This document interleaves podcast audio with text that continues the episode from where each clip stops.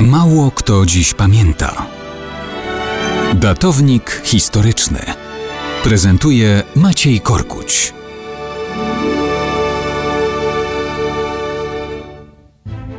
Mało kto dziś pamięta o tym, jak sułtan Egiptu Saladyn, skądinąd człowiek mądry i rozważny, wielki strateg, popełnił grzech nadmiernej pewności siebie.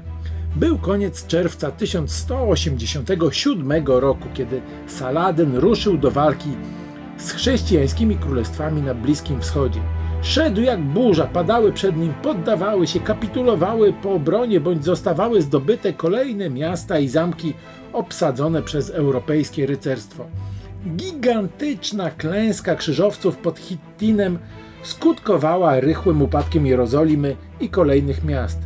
Niedobitki spod Hittinu chroniły się w Tyrze. To było potężnie obwarowane murami miasto nad Morzem Śródziemnym. Port i ostatnia twierdza w Palestynie, której Saladyn jeszcze nie zdobył.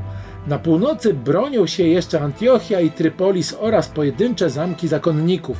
Gdyby Saladyn niezwłocznie po zdobyciu Akki zaatakował Tyr, los jego byłby przesądzony. Dlaczego? Dlatego, że duch obrońców upadł całkowicie. Rozpoczęto negocjacje kapitulacyjne. Nikt nie wierzył w możliwość zwycięstwa, aż tu nagle zmiana.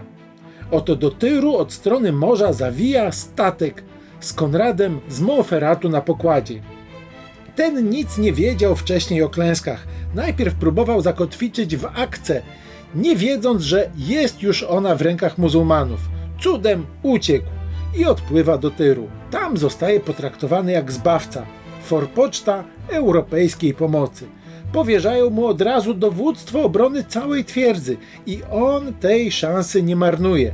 Przecina negocjacje kapitulacyjne, zagrzewa ludzi do walki.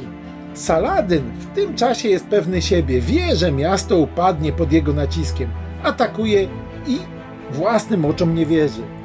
Tyr walczy, Obrona jest niewzruszona, odpiera wszystkie ataki.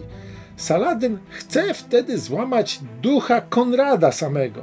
Ściąga z Damaszku jego uwięzionego ojca, przegania go pod murami, grozi zabiciem, jeśli miasto się nie podda. Konrad swojego ojca kocha, ale pozostaje twardy, odmawia. Wtedy Saladyn rozumie, że przegrał, odstępuje od twierdzy. Ojcu wspaniałomyślnie daruje życie. Tyr został obroniony, a nadchodzące posiłki z Europy pozwoliły na nowo rozpocząć walkę o Ziemię Świętą. Saladyn mógł mieć wszystko, ale był zbyt pewny siebie.